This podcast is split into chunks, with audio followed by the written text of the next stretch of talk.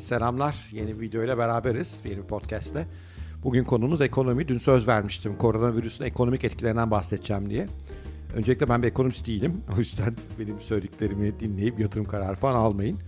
Ee, ama yatırımcıyım ben. Özellikle daha hep bahsettim. Teknoloji hisse senetleri, teknoloji şirketi hisse senetlerine e, yatırımcı olunca da dünyayı çok yakından takip etmek gerekiyor. Dünyayı takip etmek derken de önce bir tabii Amerika'yı takip etmek gerekiyor. Orada olan biteni.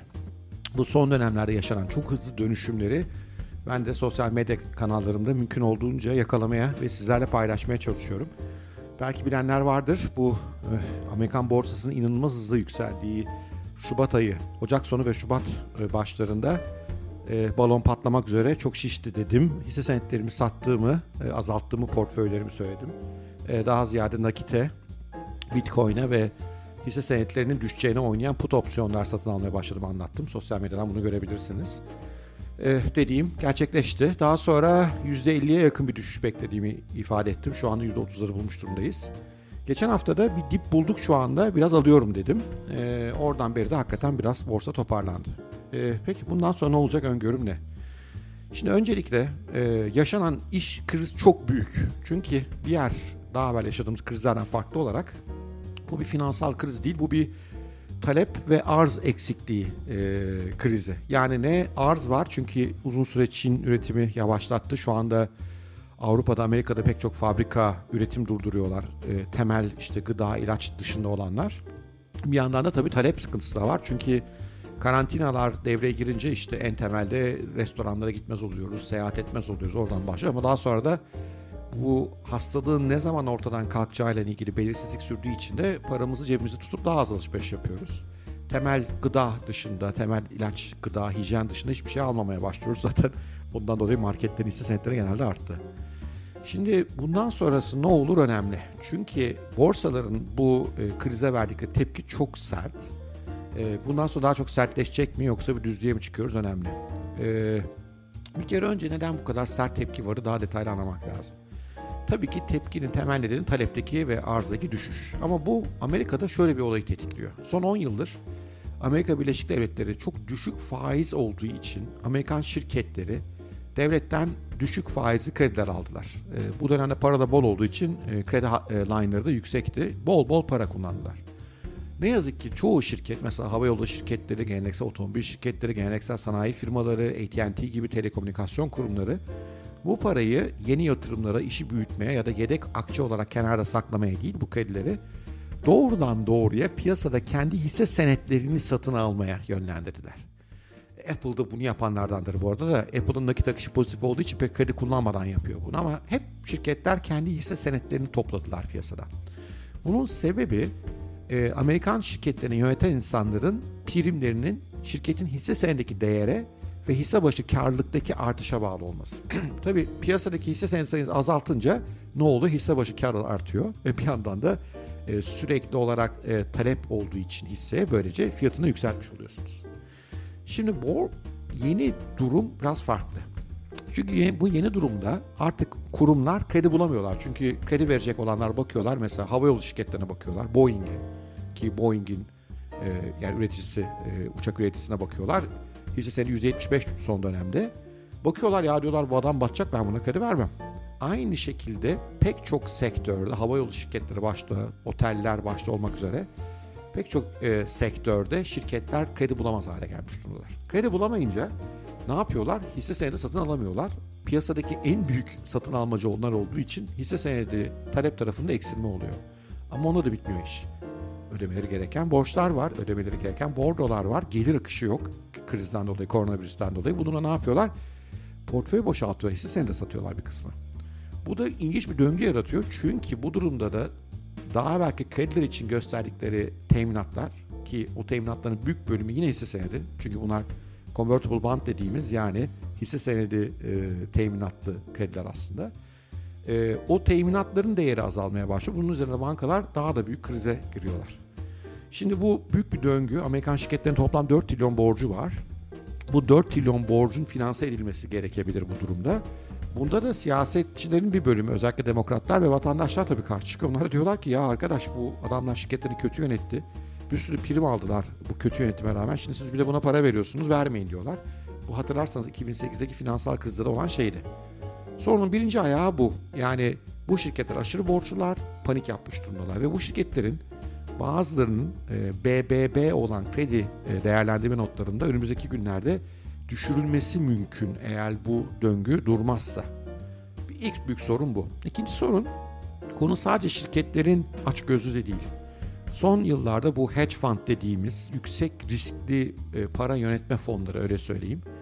inanılmaz kaldıraçlı işlemler yaptılar. Yani dün bir ilginç bir video izledim. Çok uzmanlık alanım değil ama oradan öğrendiğim. 1'e 100 kaldıraç. Yani portföyünde 1 e, milyar dolar nakit var e, veya e, şeylerden hissedarlardan para toplamış yatırımcılardan piyasada yaptığı işlem büyüklüğü 100 milyar dolar. Bunun içinde çeşitli işte e, e, varyantları kullanarak çeşitli finansal mühendislikler yaparak bunu yapıyorlar. Şimdi bu işler bozulmaya başlayınca bu şirketlerde bu kaldıracı azaltmaya çalışıyorlar. Çünkü bu kadar yüksek kaldıraçla uzayan bir krize girmek çok tehlikeli. Çünkü şu anda Amerika'nın resesyona girdiği net. E, bu çeyrekle ilgili ikinci çeyrekle ilgili yüzde 15, yüzde 20 civarı küçülmeler bekliyor e, Goldman Sachs gibi yatırım kuruluşları. Yani resesyon başladı.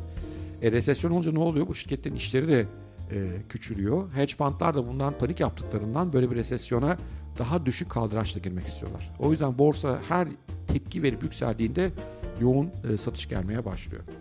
Bir de bunun üzerine e, başka bir tatsızlık var. E, petrol fiyatı. Şimdi tabii pompanıza biraz e, daha ucuza benzin aldığımız için bize mutlu eden bir şey bu. Ama aslında şöyle bir etkisi oluyor finansal açıdan. Petrol endüstrisi dev bir endüstri. Onlar da çok borçlular. Ve bu borçlarını petrol satarak kazanıyorlardı. Yerine koyuyorlar, ödüyorlardı. E, o zamanlar petrolün fiyatı 40-50 dolardı. Şimdi 30 dolar. Bu Rusya ile Suudi Arabistan arasındaki anlaşmazlık, Amerika'nın kaya gazı teknolojisi bir sürü sebebi var. Hani e, çok boğmayayım siz ama petrolün fiyatı ucuzlamış durumda. Bundan dolayı da petrol endüstrisindeki pek çok firmanın da borçlarını ödeyemez hale geleceği paniğiyle piyasaları basıyor.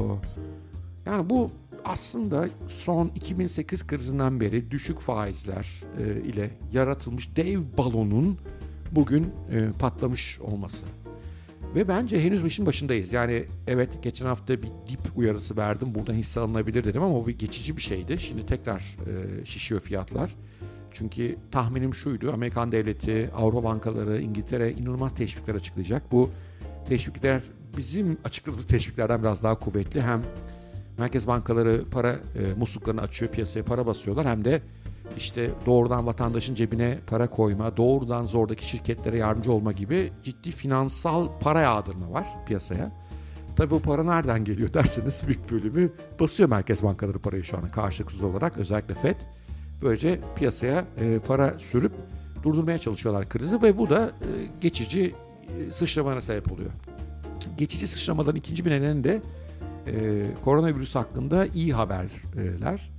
E, işte aşısı geliyor, işte şeyi geliyor, ilacı üretildi vesaire diye. Dün de Trump böyle açıklamalar yaptı. Gerçi sonra açıklamaların tamamının yanlış olduğunu bizzat yanındaki teknik insanlar, bilim insanlar açıkladılar. İşte ilacın henüz mesela testten geçmediğini, onaylanmadığını vesaire. Ama yine de piyasalar şu anda bu tip iyi haberleri istiyorlar. Çünkü herkes çok zarar etmiş durumda. Bir çıkış peşindeler ve açıkçası bu çıkışta elinde fazla mal olanlar, fazla hissesi olanlar bunları hızlıca satma derdindeler. Bir de amatör yatırımcılar var. Ee, ben de bir amatör yatırımcıyım ama benden de amatörleri var. Onlar da dibi satın alma derdindeler. Yani dibe gelsin bu alalım işte sonra hisseler yükselince acayip para kazanacağız diye. Bunlar da yine belli dönemlerde geçici sıçramalar yaratıyorlar. Ama eğer virüsün e, yayılmasını durduramazsak, e, bu Türkiye'den bahsetmiyorum şu an Amerika'dan bahsediyorum. Bütün bunlar e, palavra olur. Bugün gelen rakam doğruysa sadece bir günde Amerika'da 4000 kişinin yeni enfekte olduğunu ortaya koyuyor. Üstelik Amerika'da e, testlerde çok geç kalmış bir ülke. Test kitleri gelişmedi, hastanelere gitmedi, çok skandal yaşadılar. Muhtemelen hastalık şu anda çok yayılmış durumda içeride. Trump'ın ilk başlardaki bize bir şey olmaz, aldırmaz e, politikaları da e, işi büyüttü. Şu anda muhtemelen Amerika'da çok sayıda e, virüse kapılmış insan var. Bu neyi getirecek? Bu haberler gelmeye başlayacaklar. 4 bin artan, 8 bin artan. Türkiye'de nasıl iki katına giderek artarak e, gidiyor. Amerika'da da bu haberler gelecek. Testlerin artışıyla beraber. Bu da benim tahminim. E, bu krizin artık 2-3 haftalık bir konu olmadığını, aylar sürebileceğini Amerika gösteriyor olacak. Bu tip haberler geldikçe de borsalarda yine sert düşüşlere rastlayacağız. Yani arada çıkışlar olabilir. Aralarda e, para kazanacak e, hisse senedi yatırımcısı olarak zamanlar var. Değerlendirmeye çalışıyorum. Zamanlama çok kolay değil bu arada. Mesela bir tane iyi bir gol yedim geçenlerde. Ama hani böyle fırsatlar var. Ama uzun vadede eğilimin aşağıya doğru gitme ihtimali son derece yüksek. Bunun değerli arkadaşlar tek bir çıkışı var. Koronavirüsün ilacının ve aşısının e, onaylardan geçmesi ve kullanılmaya başlanması. Bu durumda e, ekonomiler tekrar toparlanacak, restoranlar açılacak, işimize gitmeye başlayacağız ve bu da e, krizi e, yönünü değiştiriyor olacak. Şimdi bu ne kadar zamanda olur? Şimdi ilaçla ilgili daha hızlı sonuçlar alınabiliyor. Çünkü mevcut sıtma ilaçlarının uyarlanmasının çözümler olabileceği söyleniyor. Fakat çok kolay da bir iş değil. Orada da işte dozaj doğru mu, hangi bünyede ne etki yapıyor, yan etkileri yine de bir takım araştırmalar gerekiyor. Ben ama tahminim Amerika bu süreci hızlandıracak. İnanılmaz kaynak ayırıyorlar bu işe. Yani ilaç tarafında biraz daha hızlı bir şeyler bekliyorum. Aşı konusunda hatırlayanlar vardır. Belki bir, bir ay önce video yaptım. E, bilim koronavirüs çabuk yenecek diye. Hakikaten de bu DNA dizelemi işte e, çok hassas mikroskoplar sayesinde hastalığın teşhisi, virüsün detayları çok çabuk ortaya kondu. Çok hızlı aşılar geliştirildi. Şu anda benim bildiğim 3 ayrı aşı insan testlerine geçti. Fakat insan testleri maalesef uzun bir süreç. Yani prosedür de orada uzun. Artık biliyorsunuz aşı dediğiniz şey bir patojen kendisi. Yani hastalığın kendisi. E, bundan da korkuyorlar e, yeni bir saldırı yaratmayalım diye. Daha evvel böyle kötü örnekler var tarihte. O yüzden orada prosedürler biraz belki aşırı uzun. E, şimdi sanırım bunları da kısaltma yoluna gidiliyor olacak. Ama ben tahminimi söyleyeyim. İşte ilk bir ay önceki videomda 4 hafta ile 16 hafta arası aşı hazır olur demiştim. 4. haftada aşı hazır oldu. Ee, insanların kullanımına ama 16. haftada girer mi emin değilim. Bu iş biraz daha uzuyor olabilir. Kaldı ki ister ilaç ister aşıya bakalım. Diyelim ki bunlar bulundular. Bunların üretilmesi, mass üretilmesi ve dağıtılması da yine bir süre alacak işler. Yani ben nereden bakarsanız bakın önümüzdeki 3-4 ayın e, sıkıntının büyüyeceği ve zaman zaman sıçramalar olsa da aslında borsanın genellikle düşüş eğilimini devam ettireceğini tahmin ediyorum Amerikan borsaları için. Yan bir ki bütün bu olay bitip de virüs çözüceneyle karşılaşacağız. İnanılmaz bol parayla karşılaşacağız. Yani o kadar çok para veriliyor ki şu anda piyasa krizi açmak için. Şimdi bu para nereye gidecek? İşte bir kısım yorumcu bunu hisse senedine gideceğini düşünüyor. Ee, olabilir. Yani bir bölümün azından gideceğini ben de tahmin ediyorum. Ama bence artık paranın e, değeri çok tartışılmaya açılıyor olacak. Yani biz Bitcoin sevenlerin hep tezi buydu. Bir gün e, paranın bolluğu onu değersiz hale getiriyor olacak. Yeni bir sisteme ihtiyaç duyacağız. Bunda da çözüm Bitcoin olacak dedik. Şimdi açıkçası tezi, e, şeyin e, krizin başından beri Bitcoin'in performansı pek iyi değil. Yani piyasalar ne kadar düştüyse Bitcoin ondan bile fazla düştü. Şimdi bir toplama aşamasında. Ama onu da bekliyorduk aslında biraz. Çünkü e, yatırımcı olduğunuzu düşünün. Piyasalar çöküyor, bitcoin'iniz var ne yaparsınız? E, panik satışlarda onlar da nakite dönmeye çalıştılar. Fakat son bir haftadır bitcoin'in performansı hisse senetlerinden ve Amerikan borsalarından daha iyi gidiyor.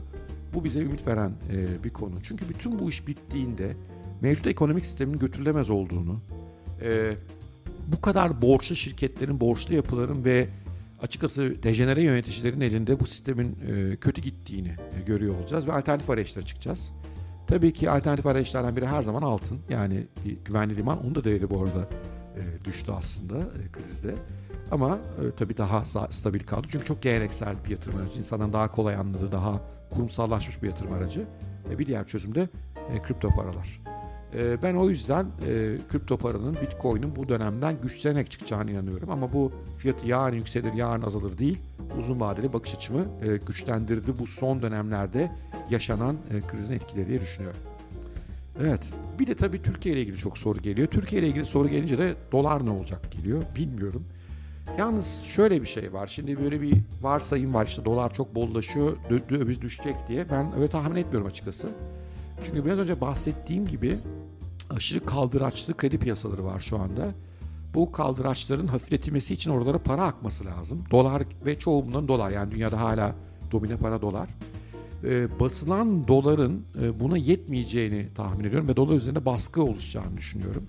O yüzden e, doların e, düşmeyeceğini hatta e, özellikle euro gibi, e, sterlin gibi e, rak, e, birimler karşısında yükselebileceğini öngörüyorum. Ama dediğim gibi ben e, ekonomist değilim yani bu konudaki tahminim ne kadar tutar bilmez. Hisse senetlerine gelince e, sonda oradan bilgi vereyim. İşte son dönemlerde Türkiye'de de yaşandı. İşte temel gıda, ilaç, mikrobiyolojilerin değerleri arttı. Buna karşın işte Tesla gibi e, geleceğe yönelik, e, Virgin Galactic gibi uzaya yönelik işlerin çoğunun hisse senedi değeri düştü. Gayet normal. İnsanlar daha güvenli limanlar olan, daha işte sonuçta gıda ihtiyacı evde otursak bitmeyecek ama Tesla almayı belki istemeyecek insanlar varsayımıyla. Doğru bir e, e, yaklaşım bence de. Ben de benzer yol izledim. Ama uzun vadede yine teknoloji kazanacak bu iş diye düşünüyorum. Özellikle Google, Facebook, Amazon'un bu işten uzun vadede çok karlı çıkacağını düşünüyorum. E-ticaret, e, blockchain tür işlerin bu işten çok kazanacağını düşünüyorum. O yüzden oralarda fiyatları takip ediyorum. Dibi bulduk mu emin değilim. Yani dibin dibi var. Ama bu ani sert düşmelerde alıyorum ve birkaç gün içerisinde satmaya çalışıyorum. Bazen kazanıyorum bazen kaybediyorum ama genelde karlı gidiyor iş. Ee, ama onun dışında bu sektörlerin hızlanacağını tahmin ediyorum. Bir de tabii bu işin aşısını ilacını bulan firma her kim olursa onun değeri inanılmaz artacak. Arada böyle haberler çıkıyor. Şu şirket işte aşı testine başladı diye hemen değer inanılmaz yükseliyor. Ama takip ediyoruz açıkçası zor bir alan. Peki e, beni izleyenlere ne ta- tavsiye ederim? Yani nakit durun. E, durabildiğiniz kadarıyla bence bu dönemde. Eğer e, çok tecrübeli bir yatırımcı değilseniz birazcık portföyde kriptoda e, lazım bence Bitcoin. Benim tabii temel kriptom ama işte toplam portföyün %3'ü %5 seviyesinde tutmak gerekiyor. Tabii altın olabilir. Gümüş çok düştü belki onlar olabilir. Ama çok inandığınız şirketleri de dipten böyle ufak ufak maliyet yapılabilir ama böyle V şeklinde hani öyle düşüşler var ya V yapıp yükselen bu öyle bir şey olmayacak muhtemelen. Bu bir U hatta belki bir L olacak yani düşecek ve uzun süre düşük gidip sonra yükselecek. Yani buna ayırabiliriz yedek para varsa bunu yapın. Ama şunu öngörmek lazım. Önümüzdeki dönem bu virüsle mücadele başarılı gitmezse süreç çok uzayacak. E, bunun için de e, yaşamınızı sürdürecek nakite bir ihtiyaç olacak. Ne yazık ki e, Türkiye'nin ilan ettiği o 100 milyar liralık paket pek çoğumuza ilaç olmadı işsiz kalacak şimdi ne yazık ki bir sürü perakendede çalışanlar, restoranlarda çalışanlar onlara yönelik doğrudan bir şey yok. Yani o yüzden hani e, Türkiye'de biraz kendimizi kollamamız gerekiyor diye düşünüyorum. Evet. Durum bu. Uzun olmamıştır inşallah. Yararlı olmuştur. E, sevgiyle kalın. Yorumlarınızı her zamanki gibi merak ediyorum. E, yarın e, ele almak istediğim e, konu e, umarım ilginizi çekerdir. Koronavirüsten sonra dünya neye benzeyecek? E, toplumsal, siyasi, kültürel neler olacak, şirket hayatlarında neler olacak konusunda tahminler yürütmeye çalışacağım. Sevgiyle kalın, hoşça kalın, görüşmek üzere.